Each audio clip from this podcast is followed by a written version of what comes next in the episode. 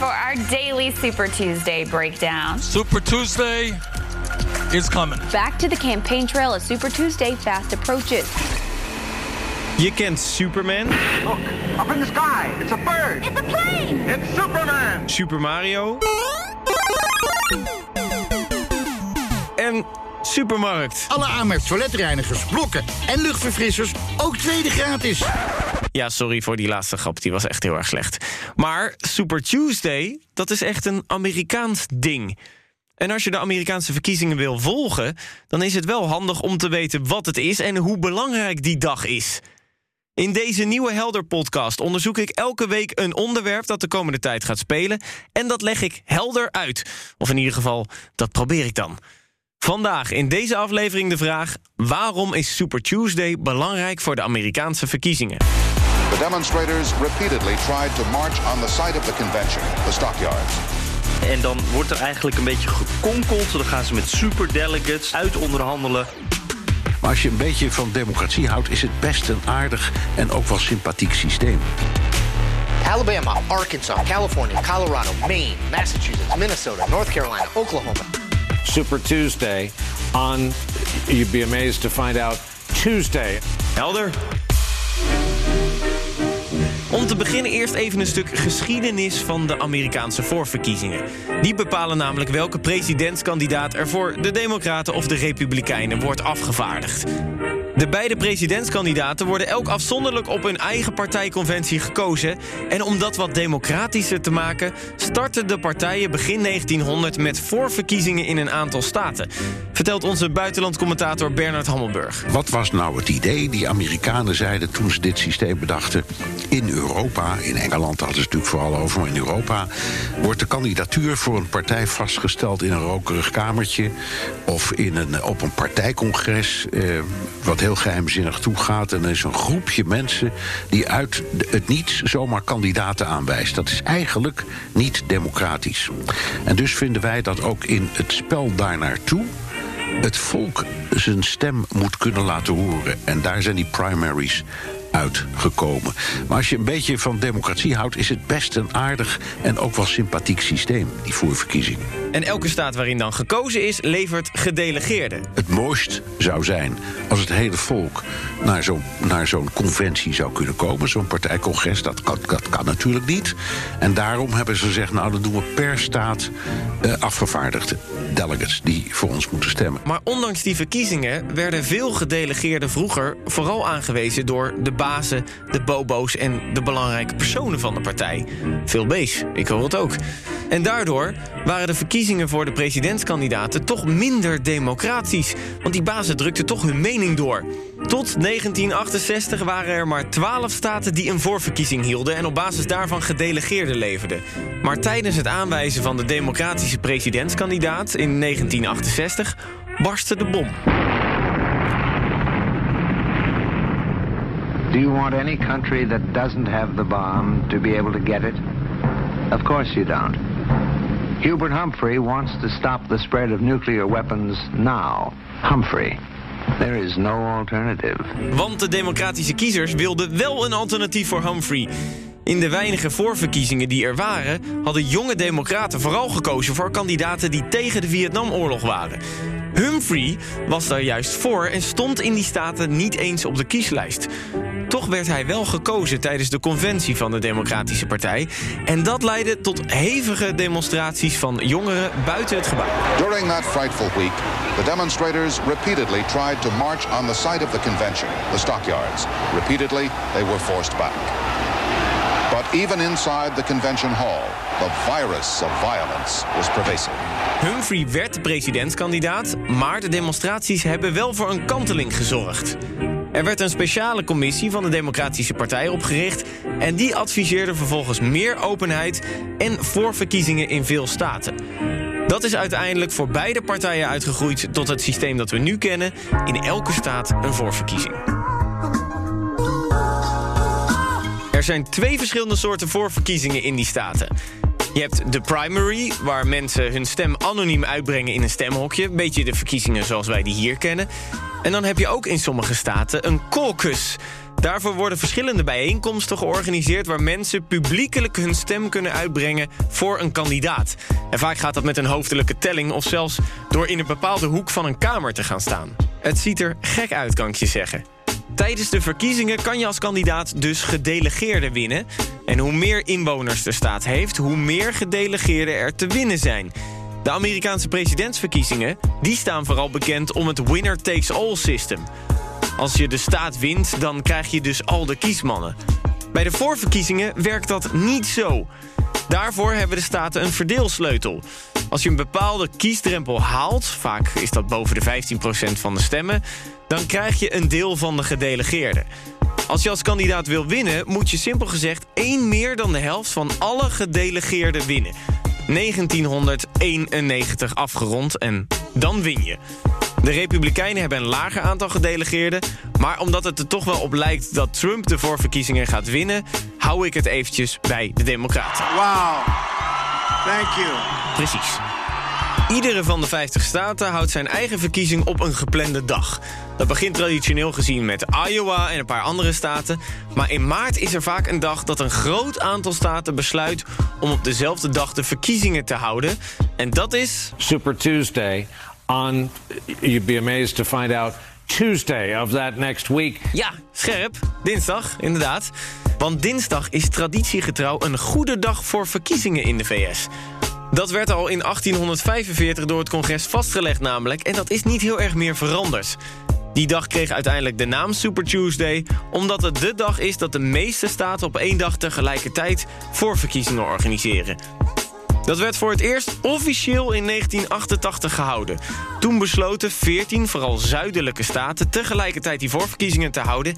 in de hoop dat ze zo een conservatievere democraat als kandidaat zouden krijgen... en dus een beetje van het liberale noorden zouden winnen. Goede strategie zou je zeggen, maar zoals USA Today zo mooi samenvat... The strategy didn't work. The votes split the Democratic Party between Tennessee Senator Al Gore, Massachusetts Governor Michael Dukakis, and Reverend Jesse Jackson. Dukakis, a northern liberal, won the Democratic nomination and lost out to George H.W. Bush in the presidential election. Toch is de Super Tuesday gebleven, want het is wel een goede graadmeter... over welke kandidaat er het beste voor staat. Daarbij wordt het een soort mini-nationale voorverkiezing. En dat is altijd interessant. Het aantal staten dat aan een Super Tuesday meedoet... verschilt wel per jaar. Het zijn er meestal 10 of meer. In 2008 waren het er zelfs 24... en toen noemden ze het in één keer Giga Tuesday. En dan denk ik ook... Make up your mind, America. Dit jaar is de Super Tuesday op 3 maart... en dan doen 14 staten mee. CNN-verslaggever Chris Kalitza weet welke het zijn. Here's the full list. Alabama, Arkansas, California, Colorado, Maine, Massachusetts, Minnesota, North Carolina, Oklahoma, Tennessee, Texas, Utah, Vermont en Virginia. Boom! Ja, en vergeet dan ook niet dat de mensen in Amerikaans Samoa mogen stemmen... en de kiezers in het buitenland. In de Super Tuesday van dit jaar zit de staat met de meeste gedelegeerden, California... en de staat met de op twee na meeste gedelegeerden, Texas. En zo komen we op een aantal van 1357 gedelegeerden... die er op één dag te winnen zijn. Dat is meer dan een derde van het totale aantal. Tegenwoordig is het wel eigenlijk zo dat er meer Super Tuesdays zijn. Je hebt de grote, en dan heb je nog Super Tuesday 2 en Super Tuesday 3. Zo is er een week later, op 10 maart, een voorverkiezing met 7 staten... en op 28 april nog een voorverkiezing met 6 staten. Maar ja, waarom is die Super Tuesday nou belangrijk? Heel simpel gezegd, het is gewoon een hele goede graadmeter... over hoe de kandidaten ervoor staan. Daarbij scheidt het ook direct het kaf van het koren. Want die ene dag kan je campagne maken of breken. Kandidaten die na Super Tuesday namelijk weinig gedelegeerden hebben... die zullen mogelijk gewoon de strijd staken omdat ze te ver achter staan. Maar je kan de voorverkiezingen ook op die ene dag in één klap winnen. Zo deden George W. Bush en Al Gore het zo goed op Super Tuesday in 2000... dat hun tegenstanders zich niet veel later terugtrokken. I'm really here to thank you for all your help and all your support. I want you to understand that I can't win without you. John Kerry die won in 2004 Super Tuesday en Mitt Romney in 2008. En beide gingen voor de winst omdat hun tegenstanders zich kort daarna terugtrokken.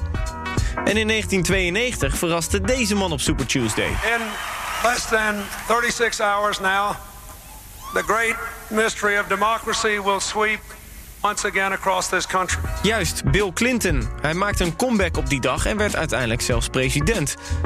Toch, hoe verschrikkelijk de dooddoener ook is... Super Tuesday is niet alles bepalend. Want als kandidaat is de kans heel klein dat je al de stemmen haalt op die ene dag. Vanwege de verdeelsleutel bij de primaries... winnen de belangrijke kandidaten eigenlijk altijd wel wat. Daarbij blijven de verkiezingen in verschillende staten... en smaken verschillen is al uit het verleden gebleken. Per staat kunnen mensen op andere kandidaten stemmen... dus als er maar genoeg verdeeld gestemd wordt, blijft de race doorgaan. In 2008 duurden de voorverkiezingen tussen Barack Obama en Hillary Clinton zelfs tot juni. Toen was er nog niks beslist tijdens Super Tuesday in maart. Nu kun je je wel afvragen, als die Super Tuesday zo bepalend is... en zo'n kantelpunt is... waarom doe je dan niet al de voorverkiezingen op één dag? Nu heeft dat twee redenen. Als eerste staat het nou eenmaal vast dat er een paar staten voorrang hebben tijdens de voorverkiezingen op andere en daarom al eerder een verkiezingsdag mogen plannen in februari. De rest mag pas op zijn vroegst die eerste dinsdag in maart gepland worden. Daarnaast helpen die vroege verkiezingen ook om alvast wat ja, kandidaten af te laten vallen en zo die enorme kandidatenlijsten waarmee ze beginnen direct wat kleiner te maken. Ten tweede zou één verkiezingsdag niet eerlijk zijn... omdat bepaalde kandidaten dan een voordeel hebben... zegt Lizau, verslaggever van onderzoeksplatform Vox. If there was a national primary today, whoever is, has the most money as well as the most name recognition would probably do the best because they're able to reach people and they already have an established backing in place. Ja, want zo zou misschien de rijke Bloomberg de gedoodverfde winnaar zijn.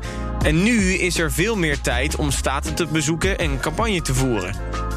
Toch is het wel opvallend dat er zoveel staten op de eerste mogelijkheid die er is, 3 maart, een verkiezing willen. Chris Kalitza van CNN die weet waarom. Well, because the earlier in the nominating calendar your state votes, the more attention, read money, it gets from candidates and the more coverage your state's race gets from the media. It's just attention dollars, folks. Juist, en de kandidaten besteden veel geld. Kijk maar naar Bloomberg. Die heeft in de eerste drie maanden al bijna een half miljard dollar in zijn campagnekas gestopt. Daarnaast willen staten ook dat hun inwoners meer een stempel kunnen drukken op de nominatie van de kandidaten. Want het is nou eenmaal vaker voorgekomen dat de latere verkiezingen in mei en juni niet meer nodig waren. Oké, nog één laatste hersenkronkel dan. Want als Super Tuesday geen onderscheid maakt en Super Tuesday 2 niet en 3 niet... en er na de voorverkiezingen geen kandidaat is met die meerderheid, de helft plus 1... wie bepaalt er dan wie de presidentskandidaat wordt? Onze Amerika-correspondent Jan Posma die zegt dat er dan een brokered convention komt. Ja, dan komen we deze zomer bij de conventie. Dat is de, de plek waar dan zeg maar de, de, de kandidaat gekroond wordt. En uh, dan komen we daar en dan zijn daar dus niet genoeg gedelegeerden voor één kandidaat om dat te winnen. En dan wordt er eigenlijk een beetje gekonkeld. Dan gaan ze met superdelegates, dan gaan ze een beetje uitonderhandelen hoe ze wel tot de meerderheid kunnen komen. Dan gaan ze allerlei nieuwe stemrondes doen. Net zolang totdat iemand de meerderheid heeft. En dan kan het zelfs zover komen dat er nog een nieuwe kandidaat wordt uh, binnengehaald. Uh, dat is natuurlijk het allerspannendste scenario. En dan kan het ook nog een heel geruzie worden. En zo'n convention kan best lang duren. Ja, eindeloos in principe. Want ze gaan net zo lang door met doorstemmen... totdat ze dus die kandidaat binnen hebben. Dus dat kan soms wel dagen duren. Ja, en de kans is wel heel klein dat zo'n convention er komt.